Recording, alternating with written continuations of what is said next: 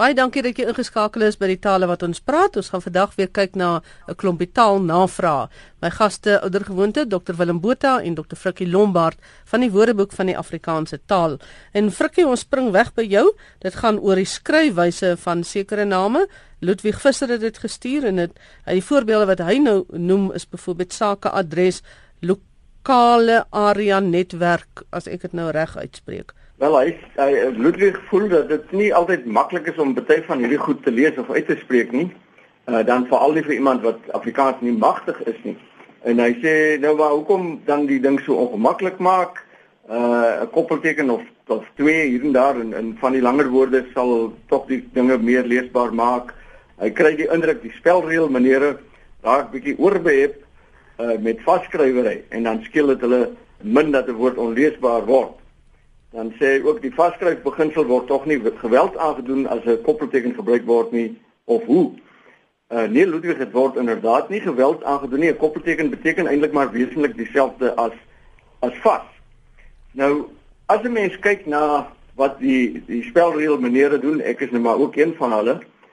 Uh dan kan 'n mens gaan kyk na reël 12.1 en wel opmerking A waar daar gesê word 'n opeenvolging van klinkers bring nie noodwendig mee dat 'n komplekse woord verkeerd of moeilik gelees sal word nie. Byvoorbeeld iets soos naaiwer, sy aansig en in ons geval het ons ook gereken iets soos sakeadres behoort nie eintlik probleme te gee nie. Maar wanneer die mens nou welkom by iets soos sake eenheid, dan's daar nou probleme as jy dit uh, as een woord sou probeer skryf Daarom gebruik ons dan 'n koppelteken tussen tussen sake en eenheid. Uh daar is wel 'n probleem. By lokale area netwerk die goeders wat bietjie langer is, kan daar 'n leesprobleem wees dalk ons het dit nie so gesien nie. Maar dit staan mense wel vry om 'n koppelteken te gebruik wanneer dit volgens jou oordeel nodig is. 'n Woord soos riolie Ek skryf dit vas, maar die volgende ou skryf dit miskien met 'n met 'n koppelteken en dit kan so gedoen word. 'n Lokale uh, area netwerkgeval is 'n tipiese samestellende samestelling. Hulle word altyd vasgeskryf iets soos 'n koue frontstelsel ensovoorts ensovoorts. Nou net iets wat ek tog vir uh, die luisteraars op die hart wil druk is 'n mens moet onthou as jy die Afrikaanse woordelys en spelreëls lees of gebruik dat die forme wat agter in die woordelys staan dikwels voorkeurforme is. Met ander woorde, dit is die enigste vorm wat ons aandui daar terwille van ekonomie dat die ding nie te dik raak nie. 'n Mens moet daardie woordelys ook in samehang gebruik met die spelreëls. Met ander woorde, 'n mens moet gaan kyk wat daar by die spelreëls staan want dit wil staan daar agter 'n woord wat in die lys opgeneem word 'n verwysing na die bepaalde spelreël wat op daardie woord van toepassing is. Die twee goeders moet in samehang met mekaar gebruik word en dan kan 'n mens sien dat daar addisionele inligting verskaf word oor wat moontlik is en wat nie. Goed, dan kom ons by 'n volgende vraag. Willem, jy gaan antwoord en dit is ook jy Willem wat die vraag vra. Hy is van Johannesburg en hy wil weet of die teenwoordige tyd van gelas, dis nou soos in 'n opdrag vir iemand gee, of die teenwoordige tyd daarvan las is. Die enigste vorm waarin las op sy eie voorkom is as 'n selfstandige naamwoord. En dan beteken las 'n bevel of 'n opdrag. Jy gee las dat iets gedoen word of ek het my ondersoek gedoen volgens my las, volgens my opdrag. Of die dokter het 'n streng las gegee dat ek nie baie moet praat nie. So las, sy eie as 'n simplex is 'n selfstandige naamwoord. Die werkwoord van hierdie las is gelas. En gelas word gebruik vir die teenwoordige tyd sowel as die verlede tyd. Teenwoordige tyd is gelas, verlede tyd is het gelas. In die teenwoordige tyd sou jy sê ek gelas jou om die taak nou uit te voer. Ons sal nie dikwels so praat nie, maar dit is soos dit gebruik kan word. Of ehm um, die minister het 'n ondersoek gelas. Dit hoor ons baie. Of iets soos die ondergetekende behoorlik daartoe gelas deur die eienaar sal nou tot aksie oorgaan. Die sekretaris word gelas om die nodige stappe te doen. Goed, en dan kry mens ook nog afgelas. En afgelas is maar net gelas plus af wat beteken iets gaan nie meer plaasvind nie. Daar word gereël dat dit nie gebeur nie. Afstel. Ja, dit is soos afstel.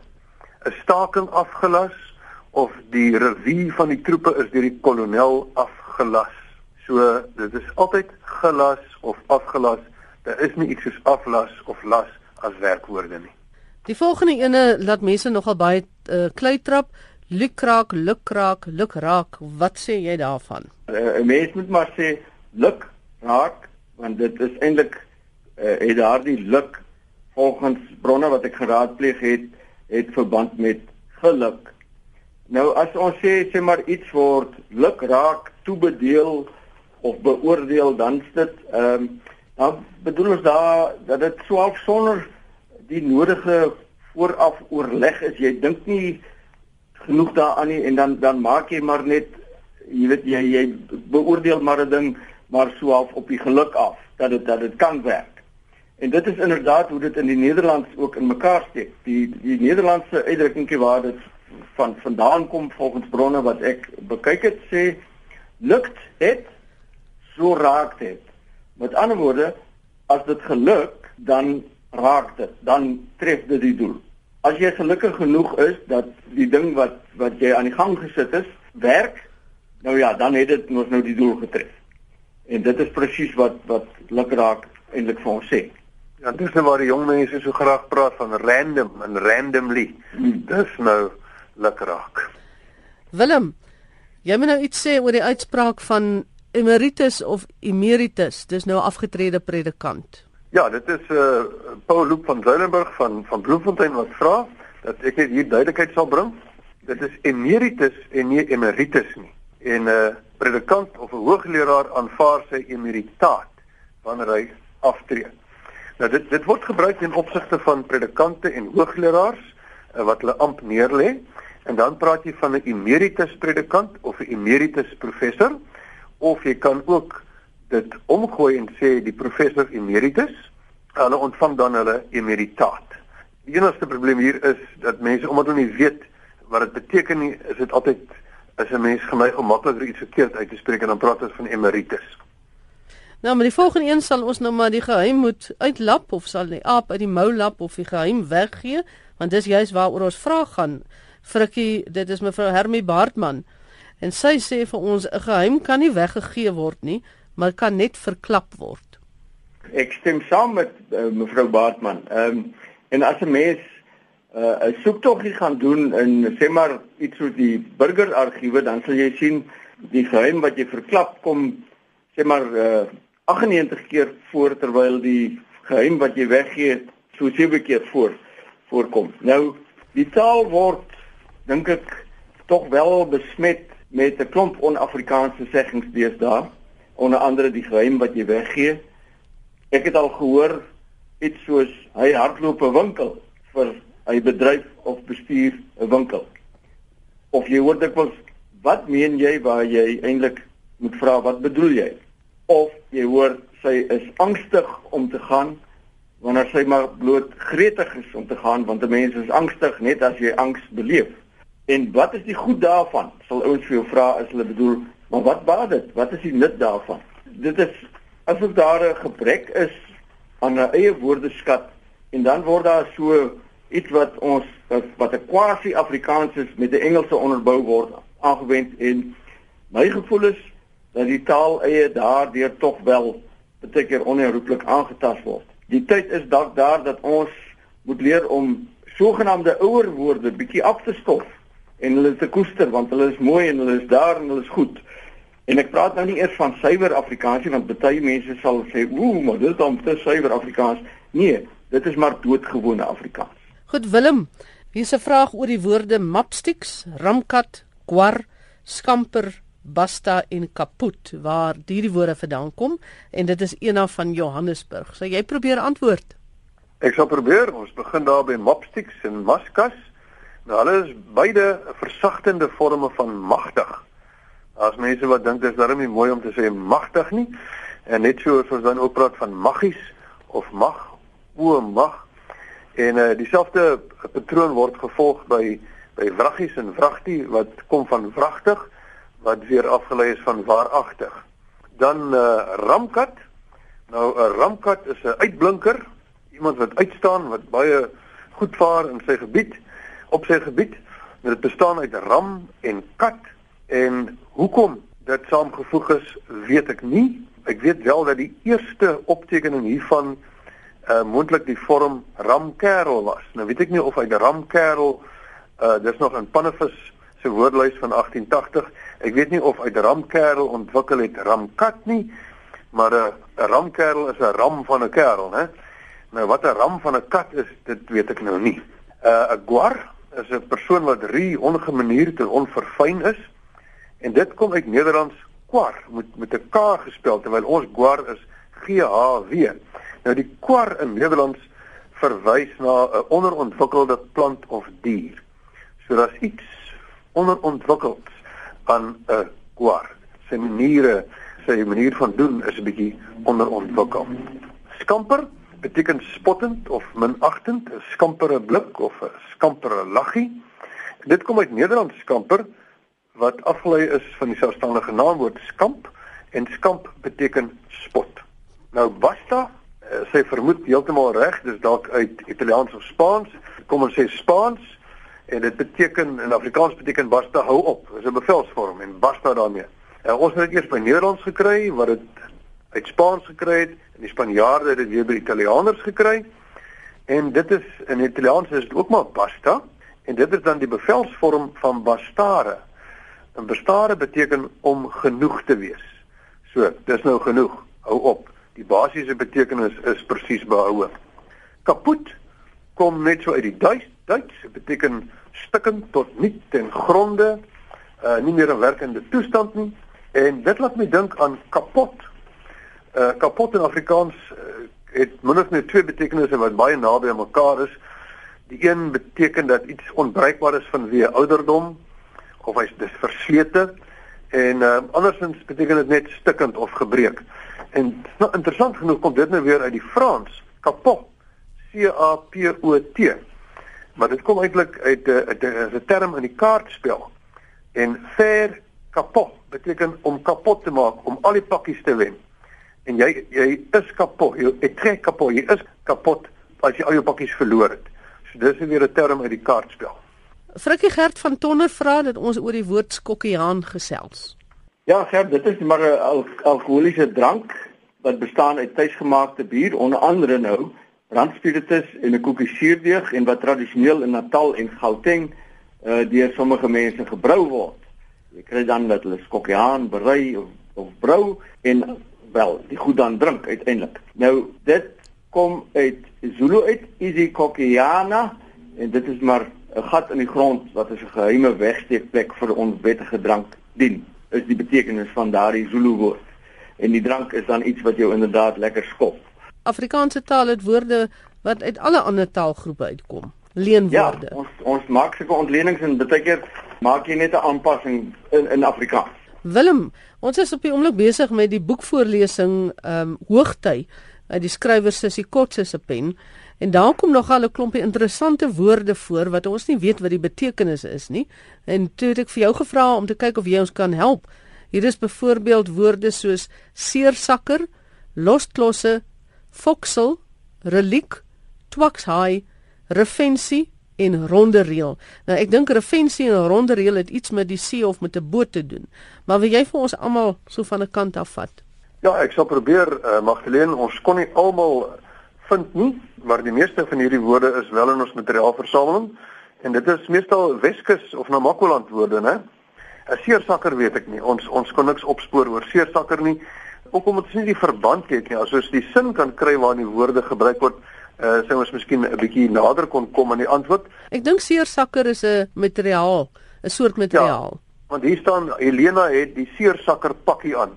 So dis een of ander materiaal, maar ons weet nie wat nie. Goed, losklos kan ons heel goed beantwoord. Losklos kan as 'n byvoeglike naamwoord gebruik word, dan beteken dit met gemak.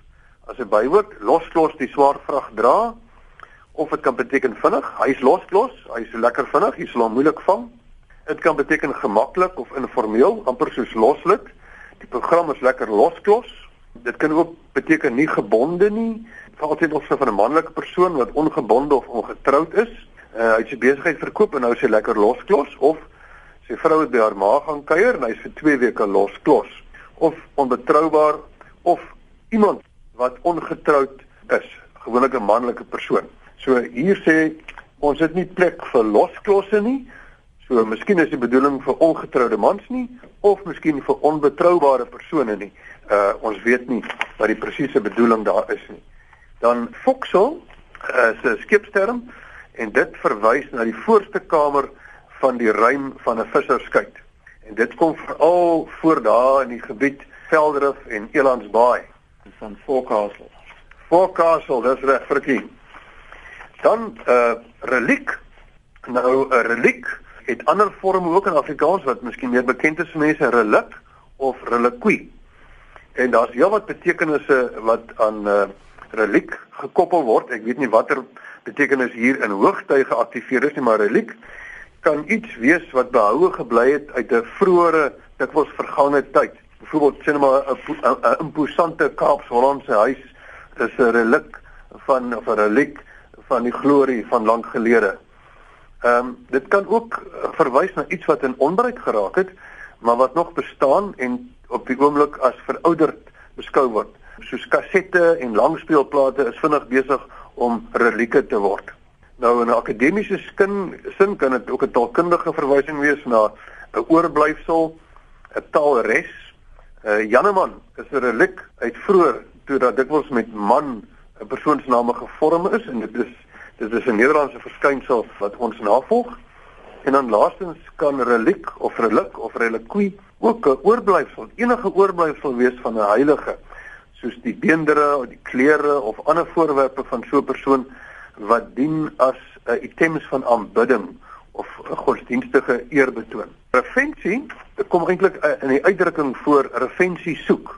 En daai revensie is deur volksetimologie gevorm van revenge, wraak. So as jy revensie soek, dan soek jy moeilikheid, uh dit word op 'n opdringerige of 'n uitdagende manier waar jy kom ondersoek instel of navraag doen oor iets. Ronde reël kon ons ongelukkig niks oor opspoor nie. Dan het ons nog Twakshaai. Ekskuus, Twakshaai kon ons ook nie kry nie. Hier's 'n paar pragtige woorde en luisteraars veral uit die Weskusgebiede van Namakoland moet maar asseblief laat weet as hierdie woorde aan hulle bekend is want op die oomblik uh, kry ons nie 'n antwoord in ons materiaalversameling vir ronde reël en Twakshaai en Seersakker nie. Nou maar goed, baie dankie. Dis aan die huiswerk wat die mense kry vir 'n volgende keer om vir ons te laat weet wat dit beteken. Nou Sissie Kotse kom daar van die Weskus af en die boek speel daar af. So al die verduidelikings wat jy gegee het, maak vir my nou nogal sin. Maar kom ons sluit af met eh, 'n uh, vraag vir Frikkie. En dit is Ian van der Merwe wat vir hom vra oor die rhesus in rhesusaap. Ek hoop ek spreek dit korrek uit. Ja, ek dink dit is maar net gewoon rhesusaap en dit kan met 'n R E S U S of R H E S U S gespel word die rhesus. Uh dit is maar die soort ape is is is dikwels in proewe gebruik. En die Franse natuurhistorikus Jean Baptiste Audebert het die uh, die Griekse eienaam rhesus en waarvan die Latyn rhesus is, het hy arbitreër gekies vir die dier. Dit was eintlik die naam van 'n Trakiese koning en hy was 'n bondgenoot uh van die Trojane. Nou ons ken van rhesus aap is daar ook nog die term rhesus factor afkomstig juis omdat hierdie aap so dikwels gebruik is in allerlei uh, mediese toetse. Die rhesus factor word gebruik vir die antigene faktor wat daar in die bloed is. En op hierdie noot moet ons groet. Baie dankie vir julle deelname weer vandag Dr. Frikkie Lombard en Dr. Willem Botha van die Woordeboek vir die Afrikaanse taal. En ons groet tot 'n volgende keer.